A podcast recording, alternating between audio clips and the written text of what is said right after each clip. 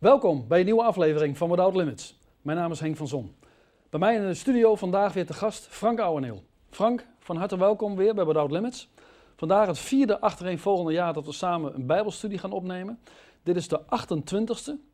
We gaan er weer negen opnemen. We hebben weer hele boeiende onderwerpen. En het eerste onderwerp is discipelschap, gehoorzaamheid en het kennen van Gods wil. En ik geef jou graag het woord. Nou ja, het is dus zo gelegen. Wat is dat precies? Ehm discipelschap, laten we dat er even uitnemen. Hè? Want het, het onderwerp bestaat uit discipelschap, gehoorzaamheid, het kennen van Gods wil. Ja. Discipelschap, dat is zo'n onderwerp, ik wil niet vervelend doen, waar, eh, waar als je aan tien mensen vraagt wat is discipelschap, krijg je tien verschillende antwoorden. Dat, eh, de, God is een God van orde. Ik denk dat, dat er maar één antwoord op is, dat is het antwoord van de Bijbel. Dus dan wou ik aan jou vragen of jij Matthäus 10 wil voorlezen. Ja. Als dus iemand aan jou vraagt, of aan iemand vraagt u, kijker, wat is nou eigenlijk een discipel? Wat is discipelschap eh, volgens de Bijbel? Dan moet je niet met allerlei verzinsel aankomen en, en eh, emotionele invullingen, maar dan moet je kijken wat het woord van God zegt. In Matthäus 10, vers 24. En, als, en dan zal ik jou aangeven waar het antwoord staat. Oké. Oké, vanaf vers 24, daar staat... Een discipel staat niet boven zijn meester of een slaaf boven zijn heer. Let op, komt-ie. Het is genoeg voor de discipel te worden als zijn meester. Lees dat nog eens. Het is genoeg voor de discipel te worden als zijn meester. Ja, blijf daar maar even hangen. Daar staat dus niet. Een discipel ehm, in, in eerste instantie is een volgeling, dat zeggen wij. Een discipel dat is een volgeling of een leerling. Ehm, in het onderwijs van de Heer Jezus over discipelschap gaat hij niet eens zo ver. Het is al heel mooi als een discipel precies zo wordt als degene die hij navolgt. Hij, hij. En, wie, en dat heeft de Heer Jezus natuurlijk over zichzelf. Dus, dus samengevat, discipelschap naar bijbelse normen, dat is een christen die lijkt op de Heer Jezus. Ja. Ja, ja, jij zegt nou wel ja, maar zullen die er veel zijn? Eh, eh, maar daar komen wij straks nog op. Wij zullen straks zien wat de Bijbel verstaat onder een christen. Want een christen is hetzelfde als een discipel. Daar komen wij zo meteen op. Oké. En eh, zijn er nog meer teksten? Of is het Nou, ik wil tekst? even hierbij laten, want, eh, want, want hier zie je dus hoe essentieel het discipelschap is volgens de Bijbel. Wij beleiden christenen te zijn, ehm, maar ehm, dat betekent dat je iemand navolgt. Een christen wordt christen genoemd omdat hij achter Christus aanloopt. Ja. Nou, dan kom je op het hart van het evangelie. Waarom is discipelschap een belangrijk onderwerp? En waarom hebben de mensen, de christenen, het er zoveel over? Omdat Maar is het niet zo dat, dat, dat ze het juist niet er veel over hebben? Nou, nou, ik denk dat als je gaat turven wat er aan bijbelstudies in Nederland zo de ronde doet, dan zijn er drie winnaars. Dat is aanbidding, we hebben het al eens eerder over gehad, heilige geest en discipelschap. Dat schijnen van die lekkere onderwerpen te zijn waar je zo lekker, eh, lekker zo je emoties kunt laten gaan. Daar is niks mis mee, maar wij zitten hier nou om met elkaar te bestuderen, wat, wat zegt de Bijbel daar nou van? Ja. Nou, om, om, om, om dat goed in te leiden, moet je terug naar het evangelie. Het evangelie beantwoordt twee vragen. Dat is, hoe kun je in de hemel komen? Dat doe je door Jezus, onze redder. Aan te nemen. Ja, door hem als redder aan te nemen. Ja. Dus dat kost ons niks. Eh, want niet dat het niks gekost heeft, maar daar heeft de Heer Jezus op het kruis alles voor betaald. Dus om, een, om, om in de hemel te komen, heeft iemand voor ons betaald. Jezus Christus. Ja. Daardoor hoeft nooit iemand meer te betalen om in de hemel te komen, want dat heeft de Jezus gedaan. Ja. Maar nou de tweede vraag. Iemand die de Heer Jezus aanneemt, gaat niet gelijk naar de hemel. Hij blijft op aarde achter. Nou, Ja. dan is de volgende vraag. Hoe kun je, totdat je naar de hemel gaat, hier op aarde, een leven leiden tot eer van God? Want dat is namelijk de bedoeling van een christen. Dat hij nog niet gelijk naar de hemel gaat, maar nog even op aarde blijft om tot eer van God te zijn. Dat doe je door Jezus niet door, als, door hem als redder, maar door hem als meester. Zie je dat? En een meester geeft aan, in mijn leven heeft iemand de leiding. En ik ben zijn volgeling, ik ben zijn leerling. En dat kost ons alles. Snap je wat ik bedoel? Dus een eh, eeuwig leven krijgen en in de hemel komen kost niks. Omdat Jezus ervoor betaald heeft. Maar totdat ik naar de hemel ga en ik wandel hier op aarde, tot eer van God, daar heb ik Jezus ook bij nodig. Maar niet als mijn redder, maar als mijn meester. En dat kost mij alles. Want dat wil zeggen, luister eens Heer Jezus, ik kan niks. Eh, u, u, moet, u moet mij voorgaan. Dat is sterven aan je vlees, je Ja. eigen wil afleggen, dagelijks je kruis opnemen, hem volgen, keuzes maken. Ja. En dat is niet makkelijk.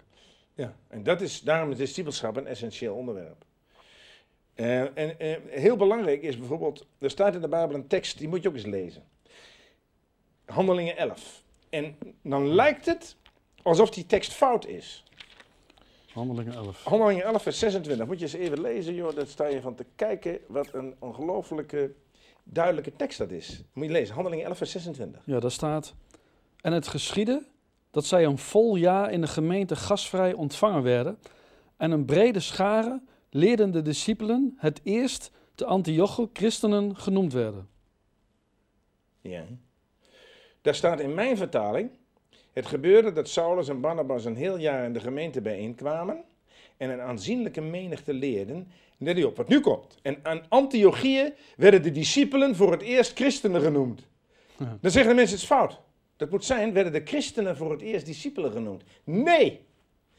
Deze mensen volgden zo openlijk Christus. Dat de omgeving noemde ze maar naar Christus. Christenen. Zie je dat? Dat is een, een eertitel. Dus daar komt eigenlijk het woord christenen vandaan. Ja, en wij noemen iedereen maar christelijk. Heel Nederland wemelt van de christenen. Maar je mag jezelf nooit christen noemen. Het woord christen komt in de Bijbel ook maar één keer voor. Ehm, je wordt pas een christen als iemand anders je zo noemt. Als je zo openlijk eh, de karaktertrekken van Christus vertoont en zo openlijk achter hem aanloopt, dat de omgeving maar tegen je zegt, Dat is een christen. Ja, eh, we, we noemen hem maar naar Christus. En het voorbeeld wat ik nu ga noemen, eh, dat is heel kwalijk, maar ik doe het toch maar. Eh, vandaag de dag, als iemand de standpunten van Geert Wilders openlijk verkondigt, noemt men die in Nederland een wilderiaan. Oh, dat is een echte wilderiaan.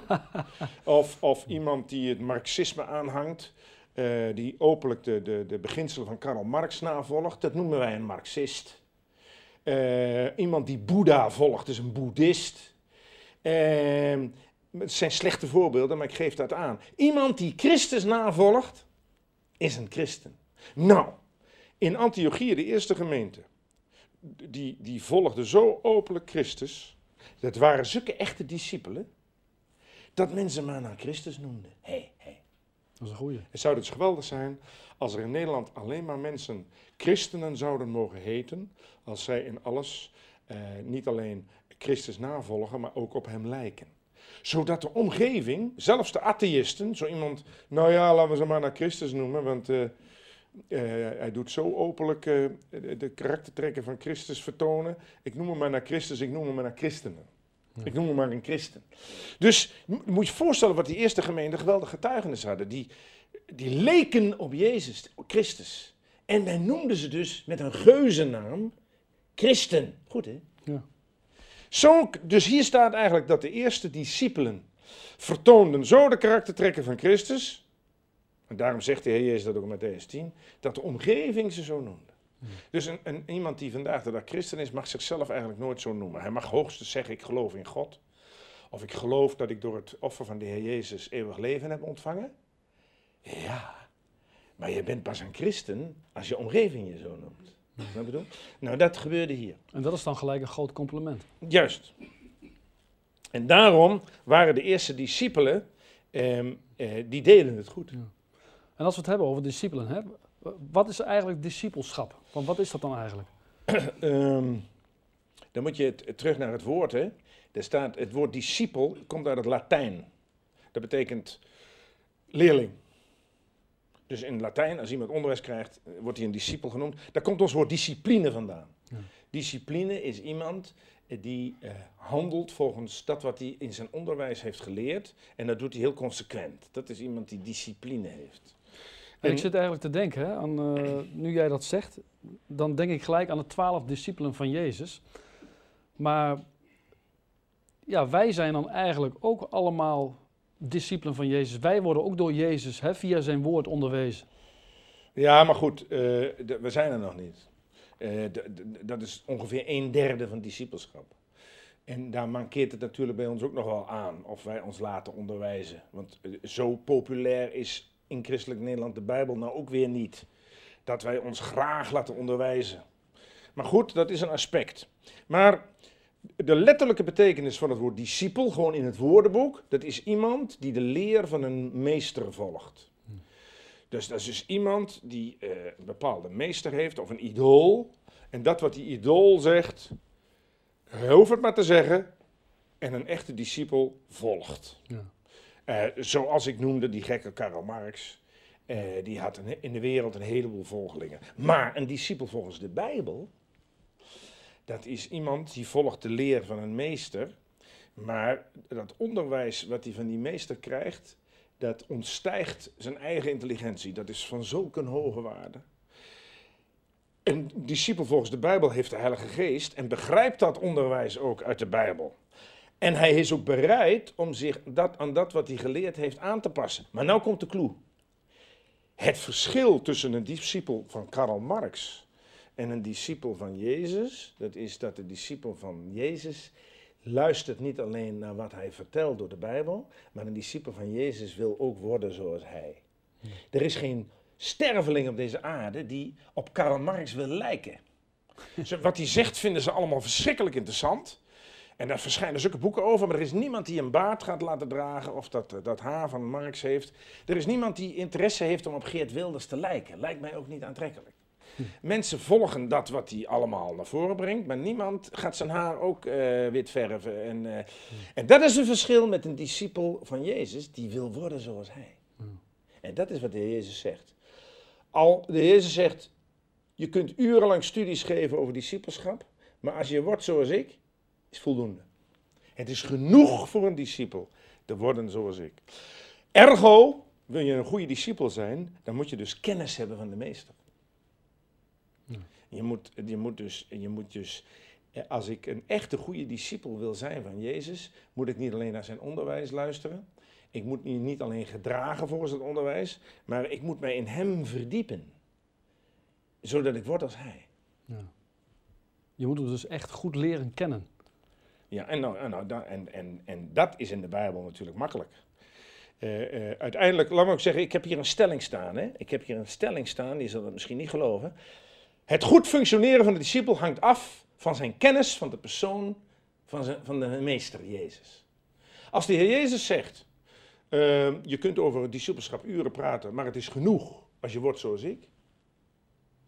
Dan, dan, dan kan ik dus zeggen, dus het goed functioneren van een Bijbelse discipel hangt ervan af ehm, hoeveel hij weet over de Heer Jezus. Hoe kun je nou op iemand lijken zonder veel van hem te weten? Nou, Paulus zegt dat, moet je maar eens lezen.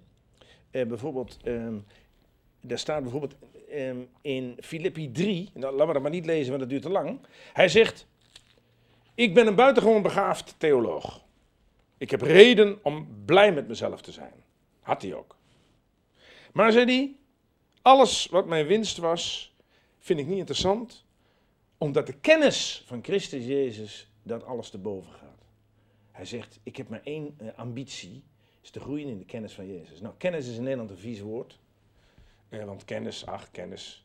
Eh, maar dat woord kennis hier in het Grieks betekent echt ook dat je, je- dat je door je ogen en je oren eh, informatie over Jezus tot je moet nemen.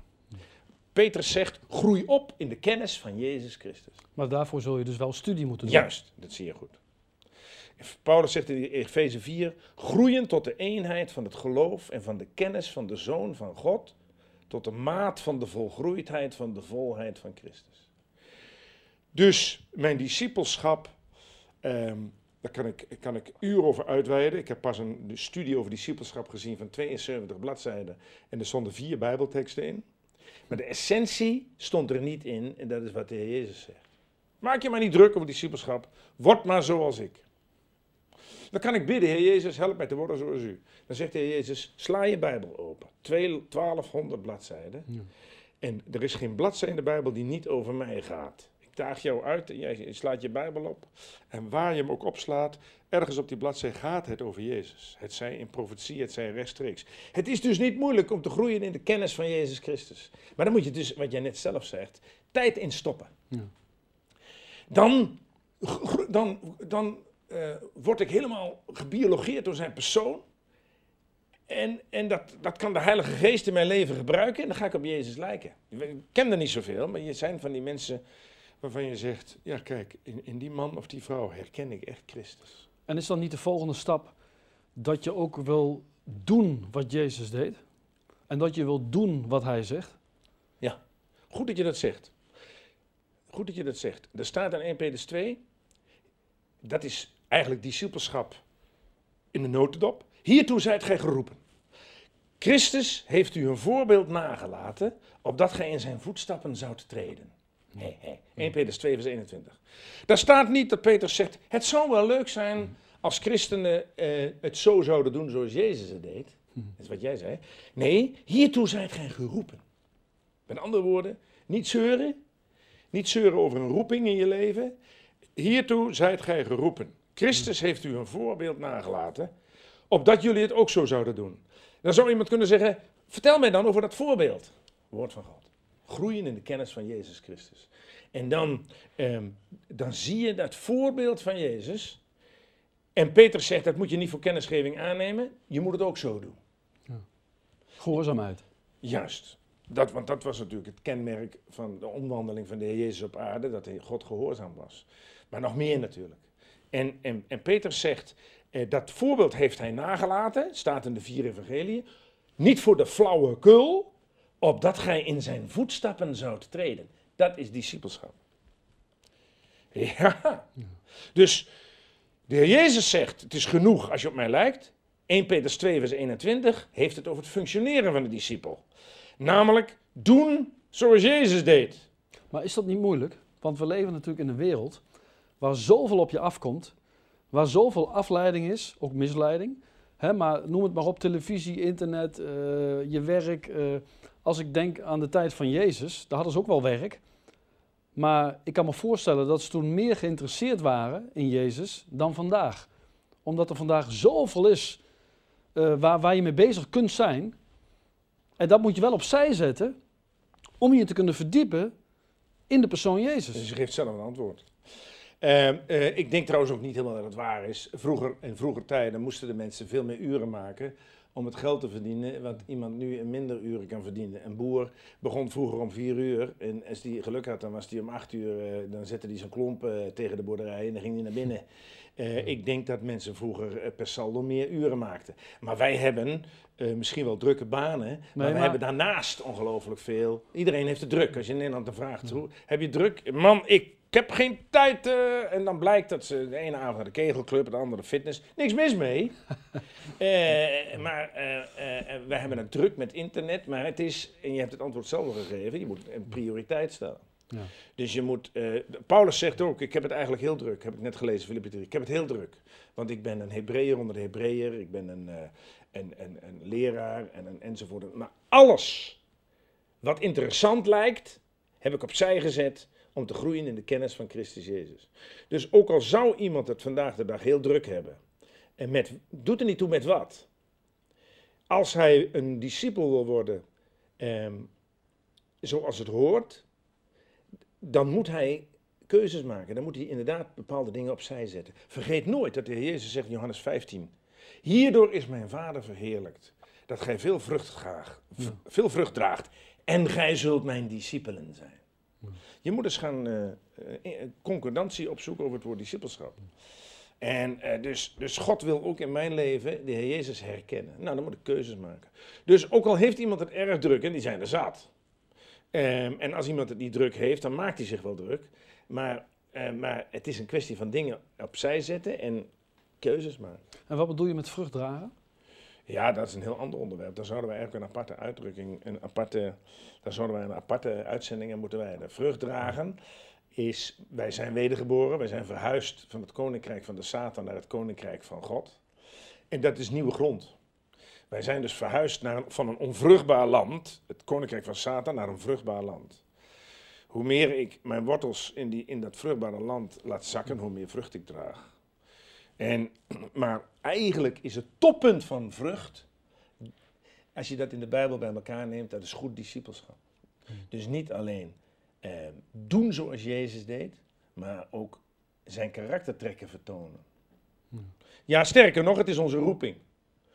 Dus iemand die nou eens luistert zou kunnen zeggen, nou dat lijkt me wel leuk zo'n discipel, maar ja, ik heb er voorlopig nog geen tijd voor, maar ik ga dat zeker doen. Ik, ga zeker, eh, ik word zeker een goede discipel. Ik heb nou nog geen tijd, ik maak nog even mijn studie af en dan ga ik een discipel worden. Nee, Peter zegt, hiertoe zijt gij geroepen. Ja. Dus we hebben allemaal een roeping. We hebben een, roeping als discipel. Ja. En, en, en het geheim van discipelschap is dus de kennis van Jezus Christus. Ja. Niet alleen maar hem kennen als verlosser, maar hem kennen als persoon. We hadden het al even over gehoorzaamheid. Maar wat is gehoorzaamheid? Ja, dus je hebt het zelf al terecht genoemd. Ehm, je hebt het zelf al terecht genoemd. Een van de kenmerken van de discipel is gehoorzaamheid. Omdat dat ook een van de kenmerken was van de Heer Jezus toen hij hier op aarde was. Ja. Er staat, de Jezus zegt in Johannes 8, ik doe alles wat God wel behagelijk is. Hé, hey, hé, hey, kan ik niet zeggen. De Jezus zegt, Johannes 8 vers 29, you name it, maar ik heb 33 jaar lang, van de eerste tot en met de laatste seconde, gedaan wat God wel behagelijk is. Ja. Het is genoeg voor een discipel te worden als zijn meester. Alleen dat. Gehoorzaamheid is dus niet alleen maar slaafs doen, eh, dat is het in principe wel, maar gehoorzaamheid heeft, heeft eigenlijk drie niveaus. Het woordenboek, dat zoek ik altijd op, hè. Gehoorzaamheid is het opvolgen van het bevel van iemand die boven ons staat. Dus in het leger eh, is het gehoorzaamheid het opvolgen van het bevel van iemand die boven ons staat. Dat is wat het woordenboek zegt. Maar het volgende niveau, dat is ehm, een, een, een, een heel mooie, een echte gehoorzaamheid. En dat hoef je nog niet eens christen te zijn.